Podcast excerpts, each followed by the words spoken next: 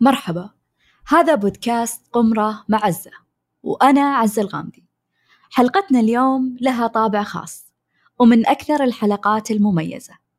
ناقشت فيها ضيفنا الأستاذ مشاري الحربي اللي من بداية رحلته المهنية قضى سنوات في ترجمة الخطب والمحاضرات الدينية. حلقتنا اليوم عن الترجمة الشفوية في المجال الإسلامي. تطرقنا فيها لأسئلة وتساؤلات تتبادر لذهن كثير من الناس يعني لو كنت مرة من المرات أترجم وواجهتني آية أو حديث كيف ممكن أتصرف؟ كيف ممكن أتعامل مع هذا النوع من الترجمة اللي جمع بين التحدي والقدسية؟ خلونا الحين نستمع للحلقة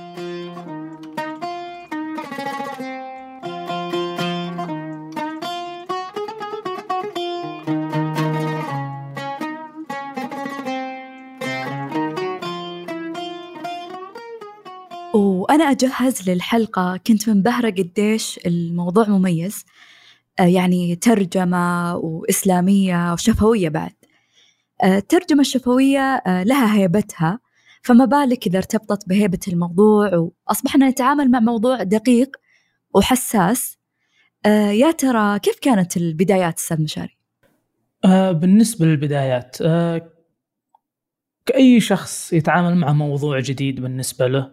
يعني مثلا على سبيل المثال في الجامعة إحنا نتعود على نصوص عامة نصوص أدبية نصوص تقنية. أما تتعامل مع موضوع حساس على قولتهم بينك وبين الوعيد شعر. يعني على سبيل المثال الرسول صلى الله عليه وسلم يقول من كذب علي متعمدا فليتبوأ مقعده من النار فأنت تخاف أنك توقف توقع في حرج مثل هذا أو أنك تخاف أنك تخطف آية أو في ترجمة آية. والقياس. بالضبط. طيب لو نفترض أن لو كان عندك ترجمة شفوية أو فورية بالتحديد كيف ممكن تستعد لها؟ والله هي على قولتهم تيجي في عدة احتمالات. على سبيل المثال إذا كنت محظوظ وأعطوك الموضوع أو نبذة عن الموضوع عن إيش؟ على سبيل المثال بيتكلم المحاضر أو الشيخ عن باب الصلاة أو باب الصيام. فأنت عندك فكرة عامة خلاص. أنت already عندك فكرة عامة عن الموضوع. فتبدأ تبحث عن الآيات لأن هذا على قولتهم الصعوبة عندك في الآيات والأحاديث.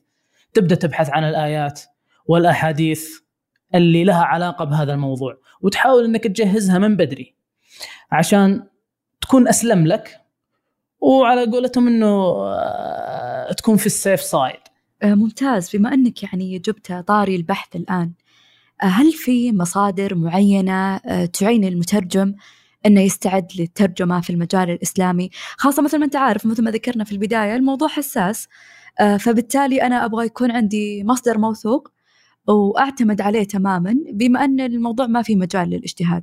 آه، صحيح في عدة مراجع أمانة والله ونستخدمها بشكل دوري أو بكثرة، يعني على سبيل المثال بدل أنك تترجم آه، آيات من أول وجديد وتبحث عن معانيها وتبحث عن آه، أسباب النزول عشان تعرف تترجم المعنى صحيح بدون إخلال فيه أو إخلال في الحكم لأن أغلب الأحكام مبنية إما من الأحاديث أو من الآيات.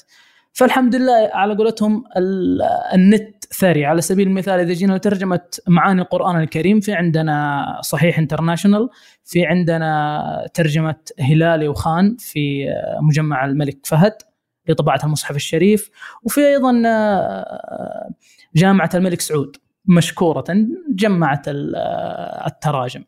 فهذه بالنسبة لنا إحنا مرجع خلاص إنه جاتك آية ارجع للموقع هذا بإذن الله تكون موثوقة بس لا يمنع إنك تأخذ الحيطة وتتأكد وبالنسبة للأحاديث في موقع أحاديث انسايكلوبيديا هذا ممتاز جدا يعني أغلب الأحاديث إذا إنك محظوظ والأحاديث المشهورة موجودة غالبا هي الصحيحين هي اللي موجودة فيه له. إذا إنك محظوظ تلقاها موجودة الحمد لله ويريحك مع الشرح مع كل حاجة. الحاجة الثانية الموقع الثاني عندك سنة dot com. بس هذا الموقع عليه بعض الملاحظات لأنه open source كأنك آه، تأخذ من ويكيبيديا. مو شخص مثلا موثوق اللي يترجم. أي شخص يدخل ويترجم واجتهادات شخصية. يعني تقريبا بنسبة 60% إلى 70% تلقى أحاديث يعني ترجمتها جيدة. وفي بعض المرات قولتهم السبعة وذمتها عشان نكون دقيقين. يعني على سبيل المثال آه الحديث يذكر الأرحام مقصود بها اللي هو ال kinship maintaining kinship هو يترجمها wombs غلط. ترجمة حرفية هذه تنقلك إلى بعد آخر. ف بالنسبة لسنة dot آه مو سنة dot com حديث encyclopedia ممتاز جدا تأخذ منه إن شاء الله وأنت واثق. أما إذا اضطريت إنك أنت تترجم الحديث بنفسك في مواقع تقدم لك شروحات ممتازة اللي هي زي آه الدرر السنية. يعطيك شرح الحديث يعطيك معاني الكلمات وما إلى ذلك.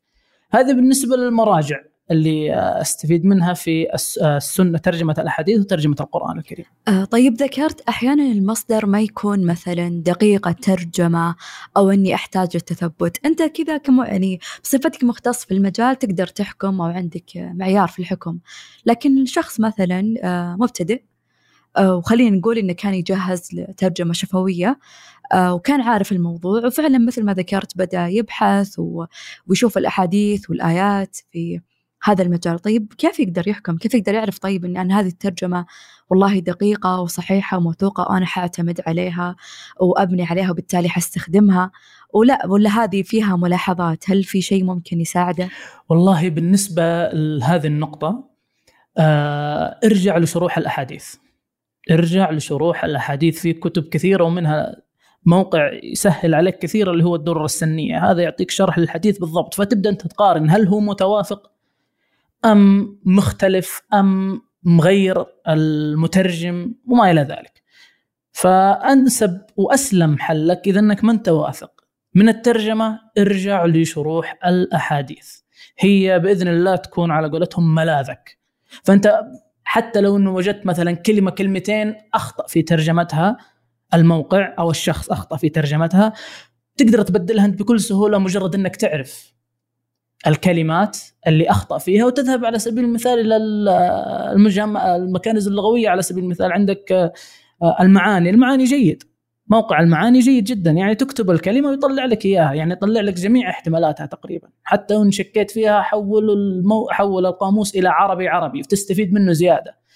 عشان تتثبت 100% ممتاز. وقياسا عليه أقدر أقول في ترجمة معاني القرآن الكريم أقدر أرجع للتفاسير تفاسير القرآن. بالضبط بالضبط. لكن الحمد لله بالنسبة للقرآن الكريم آه، صحيح انترناشونال جيد جدا. يعني أنا ما وجدت فيه إلا ملاحظة واحدة. ما يعني ما أدعي الخبرة أو الإلمام لكنه على قولتهم آه، خطأ واضح في لنفس الكلمة اللي هي الأرحام. نفس الكلمة ترجمت في صحيح انترناشونال بوم خطأ. يعني على سبيل المثال إذا جينا نأخذ ترجمة هلالي وخان من آه، مجمع الملك فهد لطباعة المصحف الشريف ترجمتهم فيها تفصيل. يعني إذا كنت محدود بوقت وما يمديك يعني تسترسل لا تأخذها. لأنها تعتمد على الشرح والأقواس بشكل كبير جدا. أما صحيح International مبسطة و straightforward يعني أقدر أقول إن صحيح International يناسب الترجمة الشفوية أكثر من هلالي وخان. بالضبط. بالضبط. ممتاز. يعني هلالي وخان على الأغلب بتكون مناسبة أكثر للتراجم التحريرية. نعم صحيح. ممتاز. آه طيب أستاذ مشاري يعني بصفتنا مترجمين فوريين آه تمر علينا كثير في خطابات المتحدثين العرب. آيات قرآنية أو أحاديث الاستشهاد أو استفتاح مثلا كلمة. آه، سؤالي هنا بينقسم لشقين. الأول كيف نتعامل معها بطريقة احترافية؟ وهنا أقصد الاستراتيجيات اللي نتبعها في الترجمة الدينية. هل جميع المصطلحات تنقل كما هي أقصد نستخدم استراتيجية النقحرة أم هناك مصطلحات تشرح مثلا يعني كيف ممكن يتصرف المترجم في هذه الحالة جميل بالنسبة لل الشق الأول اللي هو إذا ذكرت آيات أو أحاديث في نفس الخطاب. اولا في المقدمة إذا نتكلم على سبيل المثال إذا كانت محاضرة أو درس أو كان لقاء ديني. في العاده تكون نفس نظام الخطب. يعني الآيات معروفة اللي تذكر في المقدمة يا أيها الذين آمنوا اتقوا الله حق تقاته وما إلى ذلك، فهذه على قولتهم في الغالب معروفة. وفي استراتيجية على قولتهم ثانية إذا إنك آه انزنقت وما ودك على قولتهم على بلاطة كذا تجيب العيد بزيادة. آه احفظ مقدمة. يعني على سبيل المثال مثلا نتكلم عن الشخص ألف هذا. في الغالب خطبه أو دروسه أو خطاباته تكون على نهج معين. على سبيل المثال يبدأ بالحمد والثناء ويطيل في الحمد والثناء ثم يصلي على الرسول صلى الله عليه وسلم ويذكر بعض الآيات ويذكر بعض الأحاديث. أنت خذ المجمل. يعني في الغالب إيش الآيات اللي يستخدمها؟ إيش النهج اللي يتخذه؟ بناء عليه جهز لك لو تجهز لك أنت مقدمة لأن المقدمة من وجهة نظري ما تضر بالجوهر لأنها هي مقدمة مقدمة استفتاحية فما عندك أي مشكلة فيها. الحاجة الثانية إذا استشهد بعدة آيات أو عدة أحاديث لنفس الموضوع إذا ما تقدر تترجم الأحاديث كلها أو الآيات كلها وكلها تدل على نفس الشيء على سبيل المثال عن الصلاة على سبيل المثال أو عن مكارم الأخلاق. يعني ممكن تستخدم الجنراليزيشن على سبيل المثال. آه، تذكر إنه دلت آيات عدة أو أحاديث عدة على فضل الصلاة ومنها وتذكر الآية وتلحق معه. عشان ما يكون وقتك ضايع بين إنك تبحث عن الآية هذه وتبحث عن الآية هذه أو الحديث هذا وما إلى ذلك، أنت حافظت على الجوهر اللي هو إنه الشخص أو المتحدث استدل بحاجة أو استدل بعدة آيات أو أحاديث على شيء واحد، فأنت حافظت على هذا الشيء الحمد لله وبإذن الله أنها تكون يعني الأسلم بدل أنك تخوض في غمار آه، التأليف. هذا البرنامج برعاية متجر المترجم متجر المترجم كل ما يحتاجه المترجم وزود من خلال متجر المترجم تستطيع الحصول على دورات تدريبية أو ورش عمل افتراضية تساعدك على تحسين مهاراتك في الترجمة أو حتى بدء العمل في مجال الترجمة. مو بس كذا الآن حتى مقتنيات المترجم متاحة. مقتنيات تحسسك بانتمائك لهذه المنظومة الرائعة مثل التيشيرتات وغيرها. يمكن هذا الجزء آه، يمكن مرتبط أكثر بالمترجم اللي يشتغل في مجال الترجمة الإسلامية أو على أقل يعني أقل شيء يكون عارف أنه بيترجم خطاب أو محاضرة أو شيء إسلامي. لكن الشق الآخر آه، من سؤالي الأول هو أنه لنفترض أن المترجم الشفوي أصلا ما كان عنده استعداد ولا كان عنده خبرة كافية وحتى موضوع الشيء اللي ترجمه ما كان يعني ديني ولا إسلامي لكن متحدث أو أحد الضيوف آه، ذكر آية أو حديث. وهنا ما عنده يعني مفاجئ بالنسبة للموضوع. إيش تشوف الطريقة الأسلم؟ هل هو يسكت؟ هل هو يقدر يعبر عنها بطريقة معينة؟ من وجهة نظري حلين إما إنه يقول for example the meaning of the آية ويشرح. يعني أحسن من إنك تألف في الآية أو تؤول في الآية. إذا عرفت المعنى حق الآية ومعنى الآية ظاهر لك the meaning of the آية أو the meaning of the حديث بدلا من إنك تأول في الآية أو الحديث. الشغلة الثانية إذا إنك ما عرفت والله الآية ما عرفت كيف توصف الآية ما عرفت مثلا توصف الحديث أسلم لك أسلم لك إنك تتجاوز. يتجاوز مباشرة ولا يوضح مثلا أنه والله المتحدث آه، ذكر آية عن آه، فضل الصلاة وخلاص يكمل؟ ممكن ممكن يستخدم هذه الطريقة أيضا لكن الأفضل إنه سكيب مباشرة يعني وابدأ في في الجزئية الثانية. صحيح ممكن تكون هذه الطريقة أسلم له خاصة إذا كانت يعني في معرض حديثة وما كان شيء يعني آه، يمكن أساسي ولا راح يكرر المتحدث. بالضبط بالضبط طالما إنه إنه استشهاد عرضي على سبيل المثال بما أن الخطاب مو ديني الخطاب ليس بديني اطلاقا مجرد إنه استشهاد أو ذكر آه، الشيء بالشيء يذكر وما إلى ذلك انقزها سوي لها سكيب أسلم لك. صحيح فعلا إذا كان ما يعني ما ما هو حتى فاهم معنى الحديث أو الآية ما في مجال للتأويل أو التفسير. بالضبط أسلم من التأويل أسلم أكيد. من التأويل نعم. آه طيب أستاذ مشاري أنت حاليا خبير في آه، مجالك اللي هو مجال الترجمة الإسلامية. سواء لو الترجم فيها تحريري أو حتى شفهي. آه، لكن لا زلت آه، في بداية رحلتك المهنية في بداية العشر سنوات الأولى. وأكيد كثير منا كثير من المهنيين والمتخصصين عندهم مرجعية في متخصصين أكبر ولهم باع طويل في المجال خلينا نقول عشرات السنوات. هل عندك مرجعية وأشخاص تعول عليهم إذا وصلت لمرحلة مثلا إن والله البحث ما كان كافي والاطلاع على المصادر ما كان كافي فهل في شخص معين حترجع له أو عدة أسماء ممكن ترجع له والله في شخص له فضل كبير علي بعد الله اللي هو الدكتور وليد بليهش العمري. ما شاء الله عليه شخص له باع وله مكانة خاصة في الترجمة الدينية والترجمة الإسلامية. فعلى قولتهم إذا بلغت القلوب الحناجر وهو جدا متعاون الله يجزاه خير جدا متعاون معنا وصبور علينا كمان. يعني هذا أحد أهم أهم أهم المراجع بالنسبة لي. رائع فعلا المرجعية والشخص خبير وثقة أكيد شيء منقذ في اللحظات الحرجة للوصول إلى مصطلح معين أو ترجمة دقيقة.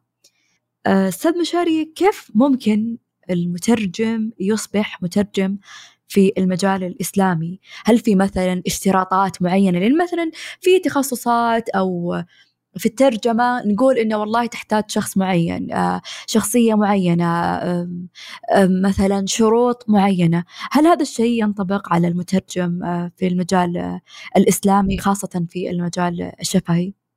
أكيد. أي مجال حساس له اشتراطاته الخاصة والترجمة الإسلامية أو الدينية. جزء حساس. لازم أول شيء تتأكد يعني من سلامة المعتقد. هذا شيء أساسي. على سبيل المثال المستشرقين ترجموا الكتب وترجموا القرآن وترجموا معاني القرآن بالأصح. ولكن ما ترجم بعضهم ما ترجمها على قولتهم بأمانة. أدخل فيها معتقداته أو أدخل فيها تحيزه. فهذا الشرط الأول. الشرط الثاني أنت تتعامل مع نصوص بليغة. ملكتك اللغوية. في اللغة العربية لازم تكون جيدة جدا إلى ممتازة. هذا شرط هذا أحد الشروط الأساسية. سرعة البديهة كيف تتعامل على سبيل المثال إذا المتحدث دخل آية دخل حديث استشهد بأبيات شعرية لأن هذه أحد أساليب الاستشهاد عند العرب. وفي الإسلام الآيات والأحاديث ولا زالت الأبيات الشعرية يستشهد بها. يعرف كيف يتعامل معاها سرعة التعلم هذه كلها شروط أساسية والحاجة الأساسية كمان أنه كيف يستخدم المراجع. أنت عندك مراجع جاهزة ترجموها دكاترة أو مشايخ أو ناس قبلك ترجموها أو متوفرة على الإنترنت استخدمها بحكمة. استخدمها بحكمة عشان تستفيد منها أفضل استفادة. أنا أشوف من وجهة نظري هذه هي الشروط الأساسية. ذكرنا الآن الشروط الأساسية و... وذكرنا فعلا أن المجال يعني فيه حساسية كبيرة. وهذا الشيء ذكرني بموقف لي مع أحد الزميلات. آه طبعا كان معروض عليها ترجمة آه لفيديو آه لاقى انتشار جدا واسع. طبعا المشاهدات كانت بالملايين. وكنت أنا يعني مدير المشروع فكنت أنا أقنعها لأني أنا متأكدة أنها الشخص المناسب وأن ترجمتها يعني رائعة ودقيقة إلى آخره. فكان عندها تخوف جدا كبير أن مجال الفيديو هو مجال إسلامي. ويتكلم كثير عن الأحاديث والآيات. فهي كانت يعني تقول لي آه يعني عزة أنا مرة ودي أوافق آه لأنها أعتبرها مهمة نبيلة وأعتبر أن الترجمة يعني ما كانت فقط بس المقابل المادي بالنسبة لها قد ما هي تشوفها إنجاز بالنسبة لها وشيء تفتخر فيه إنه يكون يعني في عالم الإنترنت. لكن في نفس الوقت كان عندها تخوف جدا كبير لدرجة إنها قالت أعطيني أيام أفكر. فبناء على هذه القصة وأنا أعرف يعني كثير مترجمين ومترجمات آه، بيمر عليهم نفس الفكرة ونفس الشعور آه، مهما وصلوا من الكفاءة بيكون في نوع من الخوف. فمتى أنا ممكن أتخذ القرار أني أقول لا أنا الشخص المناسب ولا خلاص أنا حترجم هذا المقطع أو هذا الخطاب الإسلامي؟ بالنسبة للنص آه، الديني أو المقطع كما ذكرتي أول حاجة احتساب الأجر. احتسب أنك بالعمل هذا تبتغي وجه الله. هذه أول نقطة. النقطة الثانية المراجع عندك. إيش المراجع اللي راح تستخدمها؟ على سبيل المثال زي ما قلنا الأحاديث والآيات جاهزة عندك. في الغالب جاهزة يعني في الموقعين اللي ذكرتها موجودة عندك وتقدر ترجع لها.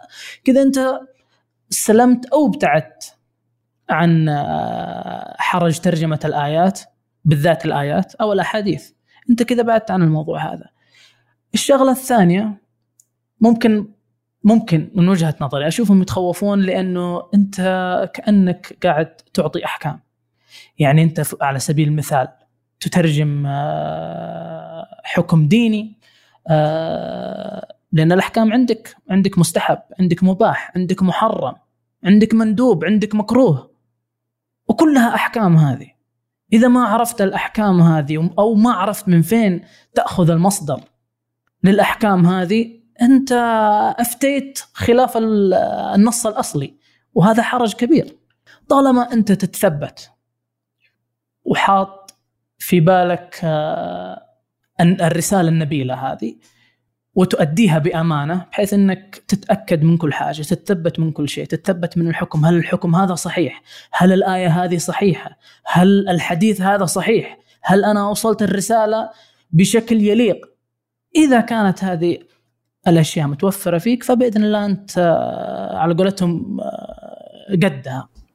طيب وين يعني وين كان رد ماذا لو أخطأت؟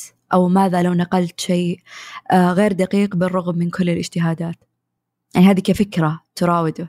ما لو بننتظر شيء كامل أو بيرفكت ما راح نقدر نجيبه. بأي بأي حاجة، أنت أهم شيء إنك وصلت الشيء الأساسي. وصلت الأحكام صحيحة، ترجمت الآيات صحيح، ترجمت الأحاديث صحيح أو معناها صحيح بإذن الله لا حرج. على قولتهم تأخذ أجر المجتهد وأجر السعي. والمجتهد أيضا حتى يعني له أجران إنه يجتهد ويسعى إنه يصل للمعنى الصحيح. بالضبط. أنت تثبت أنت تثبت من المعلومة بحثت عنها تأكدت من المعاني تأكدت من الشروح تأكدت من كل حاجة. وواثق بإذن الله إن اللي قدمته صحيح على الوجه اللي يرضي الله. بإذن الله أنت أديت الأمانة بإذن الله. رائع. أعتقد أن هذه الإجابة يمكن تشجع كثير مترجمين ومترجمات تمر عليهم أو تعرض عليهم عروض للترجمة الإسلامية وعندهم تخوف. أعتقد أن هذه الإجابة إن شاء الله يعني مشجعة بما فيه الكفاية. آه بالحديث يعني عن المواقع العام. المواقع. اختصرت عليهم شيء كبير ترى المواقع المعذرة عن المقاطعة. المواقع اختصرت عليهم شيء كبير. يعني الحمد لله كل مرة تطلع يطلع لنا موقع يعني موثوق أو موقع آه، يعد فيه. فخلاص أنت أنت أنت أنت تسقط عنك الشيئين الأساسية أو الشيئين اللي تخوف اللي هي ترجمة الأحاديث وترجمة الآيات. إيش المانع؟ ملكتك اللغوية جيدة في اللغة العربية واللغة الإنجليزية لأنك أنت تواجه الصعوبه إنك تترجم من العربي إلى اللغة الإنجليزية. هذه بحد ذاتها تحدي. فأنك أنت أنك أنت تحول من مثلا من اللغة الإنجليزية من عفوا من لغتك الأم إلى لغة أجنبية هذا تحدي كبير خاصة إنه على سبيل المثال الخلفية الدينية للغة العربية إسلامية. أما بالنسبة للغة الإنجليزية مسيحية. فمستحيل على تقريبا بنسبة 80% 70% ما تجد ما تلقى مرادفات. ما تلقى مرادفات. هذا هذا حرج آخر. هذا هذه مشكلة أخرى يقع فيها المترجم. بالحديث عن اللغات والتركيز على اللغات في الترجمة الإسلامية يعني بالنسبة آه، لهذا النوع من الترجمة من المتوقع أن المترجم راح يترجم من اللغة العربية إلى اللغات الأجنبية أيا كانت. هذا يعني تركيزه وممارسته راح تكون غالبا آه، آه، في اللغة الأجنبية وأيضا من ناحية الاطلاع راح يكون من باللغة العربية. هذا يعني أن في خطر أنه يكون أحد اللغتين فيها اجتهاد أكبر من الثانية ومع مرور الوقت أو السنوات ممكن تتأثر أحد اللغتين. فكيف ممكن يتصرف المترجم في مثل هذا الموقف؟ ما سؤال جميل. بالنسبة للنقطة هذه ما أعتقد أنه بيتأثر لأنك أنت تتعامل مع نص بليغ. الخطابات الدينية في الغالب تكون بليغة. يكون فيها جميع الأنواع يعني فيها في تلقى فيها فيها السجع فيها الجناس فيها الطباق. فأنت تتعامل مع نص بليغ.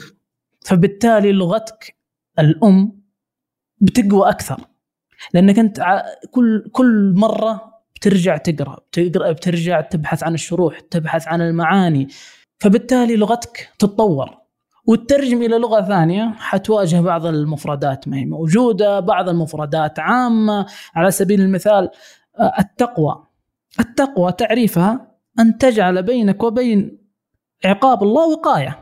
صحيح؟, صحيح. في بعضهم يترجمها fear الله okay؟ no هي جزء الخوف جزء ولكن مو المعنى كامل. اي بالضبط؟ فأنت تضطر إنك تبحث وتقوي نفسك في اللغة الإنجليزية واللغة العربية. فأنا لا أعتقد ابدا إنه إنه إنك تترجم من العربي إلى الإنجليزي من المعنى بيسبب لك مشكلة في لغتك الأم. ابدا بالعكس هي قاعد تتطور لغتك الأم لأنك أنت بتواجه صعاب بتواجه كلمات وبتواجه مفردات وبتواجه نصوص صعبة وبليغة جدا تضطر إنك تبحث عن شروح تبحث عن تفاسير تبحث عن آه تبحث عنها في معاني الكلمات والمعاجم حتى تفهمها وتقدر تبسطها. جميل جدا لأن عادة المترجمين آه لما يركزون على الترجمة إلى الإنجليزية أو العربية مع مرور الوقت يعني تقدر تفرق إن هذا المترجم والله متميز في الترجمة إلى الإنجليزي أو إلى العربي. سواء تحريريا أو حتى شفهيا.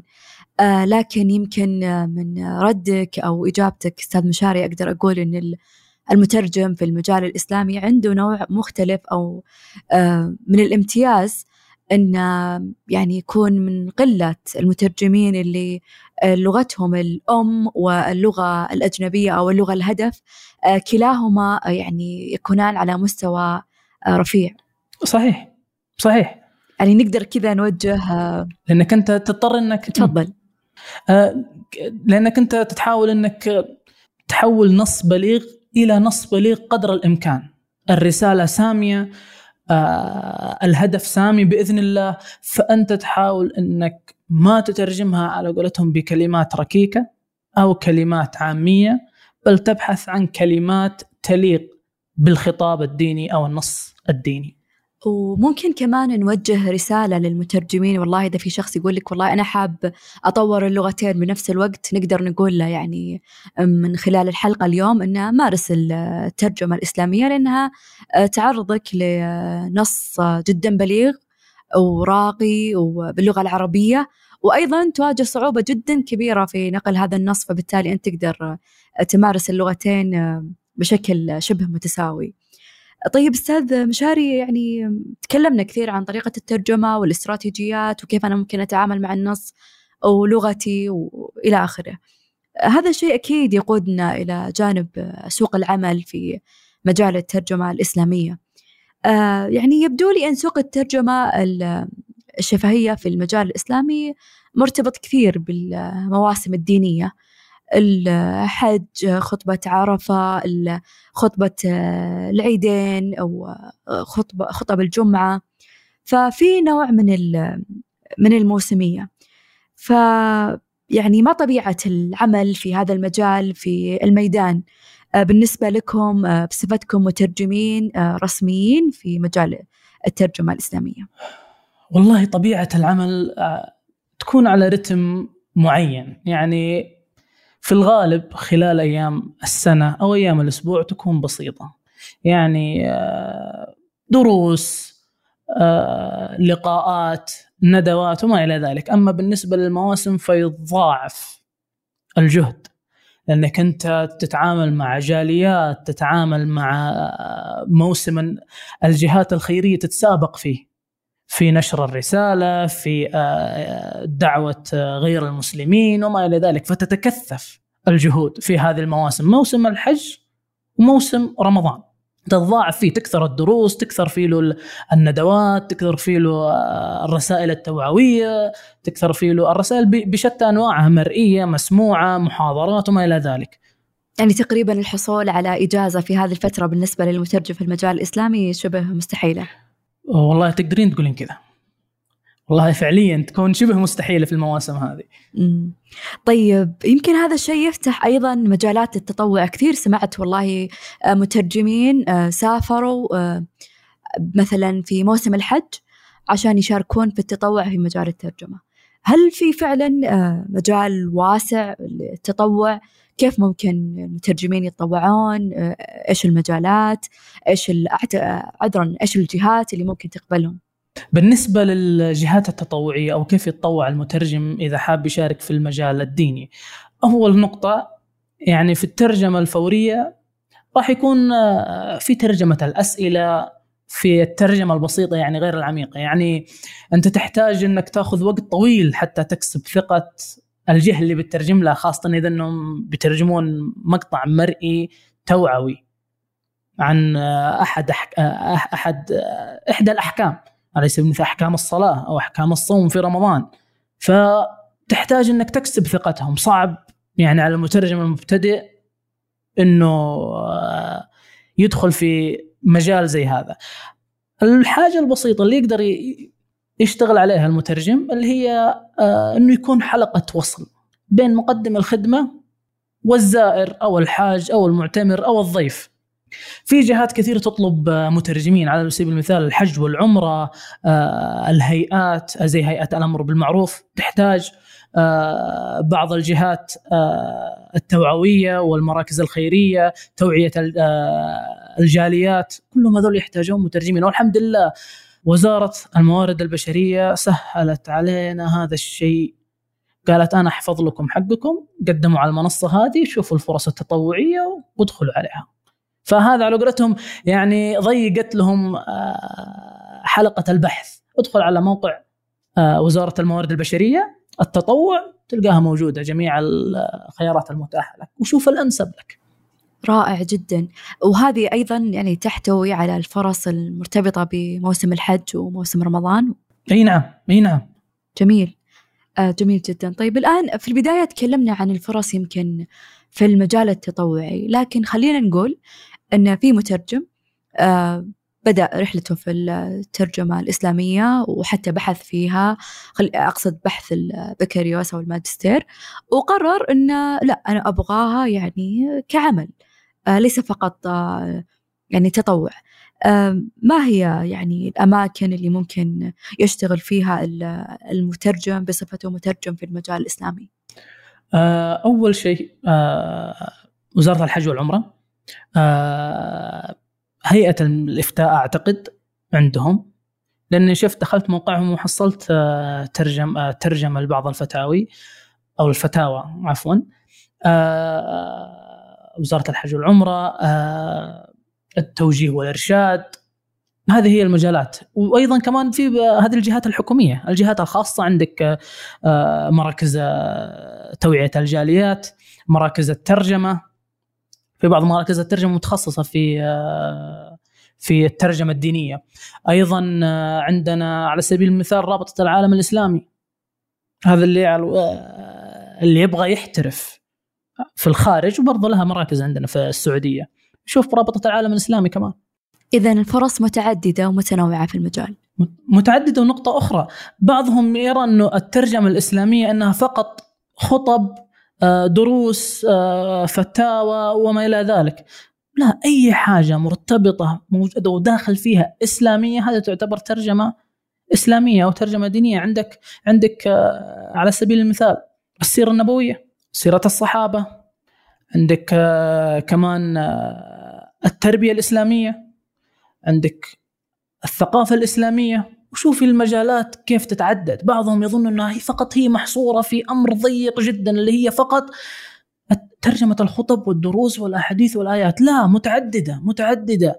متعددة. أنت تقدر تترجم الأخلاق. الأخلاق تقدر تأخذها من من من الأحاديث من السنة النبوية من التاريخ الإسلامي. من وحتى أيضا عندك الحضارة الإسلامية. الحضارة الإسلامية برضو. صحيح. لأن أغلب الاستشهادات عندك أي حاجة تستشهد فيها من الآيات من السيرة من الأحاديث هذه تعتبر ترجمة إسلامية. وأي حاجة أو أي موضوع ارتبط بعده بإسلامية هذه تعتبر ترجمة إسلامية. آه، يمكن إجابتك هذه آه، أستاذ مشاري يعني ذكرتني بحقيقة عنك حاليا أنك طالب في مرحلة الماجستير. وفي تخصص الترجمة بالتحديد. آه، أولا ليش فكرت تكمل ماجستير؟ هل في أي فائدة على حياتك العملية؟ وليش ما اخترت ماجستير تخصصي في العلوم الدينية على سبيل المثال بحيث أنه يرتبط بطريقة يعني مباشرة بالتخصص اللي أنت تمارسه وبمجال عملك الرسمي؟ آه سؤال جميل. آه بالنسبة ليش درست تخصص الترجمة بالذات؟ أولا الترجمة بالنسبة لي شغف واهتمام وعلاقة وطيدة مع الترجمة. الترجمة تعلمك أشياء كثير. أنت لما تكون مترجم أو تختار تخصص الترجمة على سائر التخصصات الأخرى أنت تتعامل مع نصوص دينية. تقدر تكون مترجم ديني. تتعامل مع نصوص تقنية تكون مترجم تقني. تتعامل مع نصوص نصوص إعلامية تكتسب مهارة الإعلامية أيضا كيف تصيغ كيف تصيغ النصوص الإعلامية لأنك أنت تضطر أنك تصيغها. والمجالات شتى. فأنا بالنسبة لي أنظر للترجمة إلى أنها أم العلوم. أي حاجة أو أي مجال تابع للترجمة أو أي اختصاص أنت تتخصص فيه بالترجمة أنت بتكون ملم فيه بإذن الله. يعني في الترجمة الإسلامية تلم بأشياء كثيرة في أمور دينك. في الترجمة القانونية تلم بكثير من القوانين في الترجمة الإعلامية تتعلم كيف تصيغ الأخبار كيف تصيغ آه، تصيغ الأخبار تكتب مقالات لأنك أنت تترجم وبالتالي لازم تحافظ على صبغة النص الأصلي لما تنقل إلى اللغة المستهدفة. فبالنسبة لي أشوفها هي أم العلوم. أي حاجة تدخل فيها بالترجمة أنت راح تكتسبها وراح تتعلمها بغض النظر عن المجال. وبالنسبة للفائدة أكيد على قولتهم آه، نستفيد بإذن الله منها آه، علميا ومهنيا. آه، أستاذ مشاري أنت حاليا يعني بالإضافة لدراستك للماجستير وعملك تدير فريق من المترجمين. فهل القيادة اختارتك أم أنت اخترتها؟ وما طبيعة عمل القيادة والإدارة في الترجمة خاصة في مجالك مجال الترجمة الإسلامية. بالنسبة للقيادة وقيادة فرق الترجمة نقول أن إن شاء الله أنه آه، الله وفقنا وقدرنا نثبت جدارتنا بحيث أن نقود فريق يعني آه، بعدة لغات فريق يعني الحمد لله كبير. أنا أرى أنه فريق يعني آه، كبير وله وزنه. أنت لازم تتعامل مع إذا جيت إذا جيت تقود فريق الترجمة أنت لازم تتعامل مع نفسياتهم. يعني على سبيل المثال أنت ما تمسك جنسية معينة. أنت تتعامل مع عدة جنسيات بحكم ندرة بعض اللغات. أنت تتعامل مع عدة جنسيات عدة ثقافات. تحاول إنك تقرب بينهم. تحاول إنك توفر لهم احتياجاتهم. تحاول إنك توفر بديل للمترجم. على سبيل المثال عندك نص أو حدث مهم جدا تحتاج إنك تترجمه. جهزت أنت فريقك. على سبيل المثال شخص صار له ظرف. لازم يكون عندك البديل. لازم يكون البديل جاهز ولازم في بديل كمان له. إذا قدرت توفر هذا أفضل آه، خيار بالنسبة لك. فقيادة فرق الترجمة والله تجربة مثرية جدا خاصة إنك لما تتعامل مع ثقافات متعددة تتعامل مع بيئات مختلفة تتعامل مع آه، نفسيات مختلفة. هذا يجيك اليوم مبسوط يجيك بكرة زعلان يجيك اليوم آه، رايق آه، اليوم في أفضل حالاته. بكرة ما قدر يعني يقدم الأداء اللي المعهود منه فتجربة والله مثرية جدا. بالحديث عن الشخصيات والنفسيات المختلفة للأشخاص اللي تتعامل معهم. يمكن هذا يقودني لسؤالنا الأخير في هذه الحلقة. كل المهن بطريقة أو بأخرى تؤثر على أصحابها. كيف أثرت الترجمة الإسلامية والترجمة الشفهية على شخصية الأستاذ مشاري؟ صحيح أي حاجة تشتغل فيها أو تتعامل معها راح تأثر عليك إما سلبا وإما إيجابا. وبإذن الله الترجمة الدينية والترجمة الإسلامية تأثيرها دائما بإذن الله يكون إيجابي. تتفقه في أمور دينك تتفقه في التاريخ الإسلامي تتفقه في السيرة النبوية تتفقه في أمور عدة تأثر عليك إيجابا. يعني في أحكام أنت ما تعرفها على سبيل المثال عامة الناس ما يعرفونها. أنت تعرفها وتعرف الأحكام هذه وتعرف أدلة عليها وتعرف شروحها وتعرف كل صغيرة وكبيرة تقريبا عنها على حسب انغماسك في هذا المجال أو على حسب انغماسك في هذه المهنة. فتاثر عليك ايجابا بإذن الله كلها مكاسب. إيش في أحسن من إنك تتفقه في أمور دينك؟ تتفقه في الأحاديث تتفقه في التفسير تتفقه في الثقافة الإسلامية تتفقه في في القرآن الكريم تتفقه في الأحاديث. فأنا أشوفه مكسب آه، من كل النواحي. يمكن هذا تأثيرها من الناحية العلمية أو العملية. لكن مثلا هل تأثيرها من الناحية الشخصية انه كان فيها مثلا آه، جانب لتهذيب النفس التعامل آه، مع أبسط الأشياء يعني مثلا ممكن التعامل مع الغضب إلى آخره؟ أكيد أكيد. الرسول صلى الله عليه وسلم يقول إنما بعثت لأتمم مكارم الأخلاق. فالرسول صلى الله عليه وسلم أحاديثه جزء كبير منها تعلمنا الأخلاق تعلمنا الصبر تعلمنا الحلم تعلمنا أشياء كثير. فعلى كثر ما تسمعها على كثر ما تتشربها على كثر ما تسمع شروحها على كثر ما تسمع فضلها أنت تبدأ تكتسبها. تكتسبها لا شعوريا. فبإذن الله نكون اكتسبنا شيء منها. آه، أستاذ مشاري آه، يعني بما أن اليوم نتكلم عن الترجمة في هذا المجال الدقيق. هل في كلمة توجهها للجمعيات التخصصية أو المهنية آه، بخصوص مثلا احتياجاتك احتياجات آه، زملائك في المهنة هل في شيء معين ممكن تقدمه لكم الجمعيات أو الهيئات أو الوزارات؟ والله سؤال جميل جدا ويمس حاجة المترجمين الدينيين أو المترجمين في المجال الديني آه الحمد لله في حراك جميل في الترجمة بشتى مجالاتها لكن هل رأينا الترجمة الإسلامية أو الترجمة الدينية في أي مكان؟ الترجمة الدينية أو الترجمة الإسلامية غائبة آه في كل المجالات في كل عفوا المحافل اللي صارت أوكي إذا الكل صار مترجم تقني أو الكل صار مترجم أدبي أو الكل صار مترجم آه قانوني. مين يترجم الترجمة الدينية؟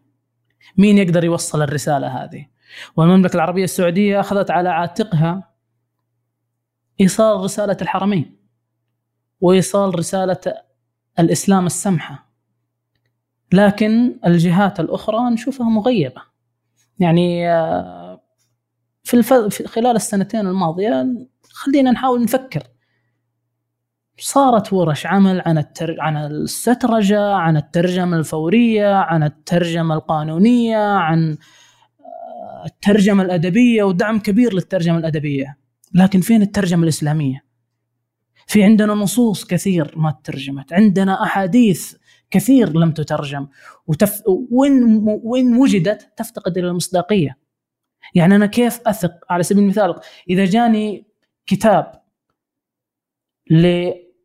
صحيح بخاري مترجم على سبيل المثال من الجهة الفلانية والجهة الفلانية يعتد فيها وتؤخذ على قولتهم ويشار لها بالبنان. لكن ما هو موجود هذا الشيء؟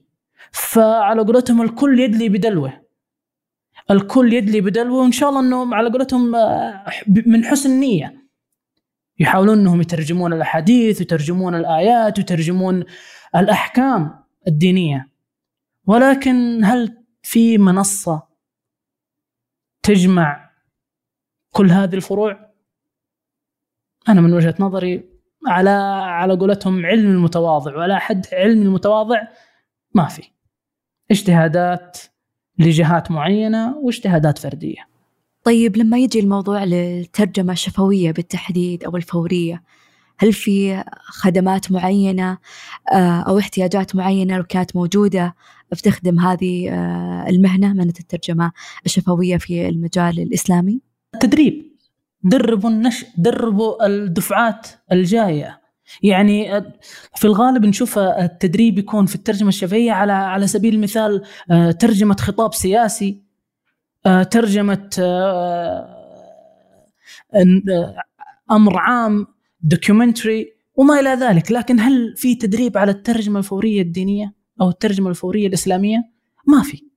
نفتقر عندنا شح في الدورات خاصة في المجال الديني سواء إسلامية آه، عفوا سواء تحريرية أو فورية. ما ما شفت أي تقريبا ما شفت أي جهة تقدم هذه الخدمة أو تقدم هذه الدورات.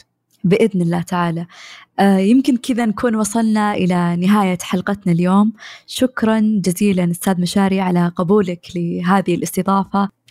شكرا لكم أنتم على ثقتكم وحسن ظنكم إني أنا أقدر إن شاء الله أكون آه، خير من يمثل الترجمة الفورية الإسلامية. وسعيد جدا وشكرا على إتاحة الفرصة. شكرا جزيلا أستاذ مشاري على قبولك لهذه الاستضافة في إذاعة المترجم وكل الشكر والتقدير على منحك لنا جزء من وقتك في مشاركة هذه المعلومات القيمة.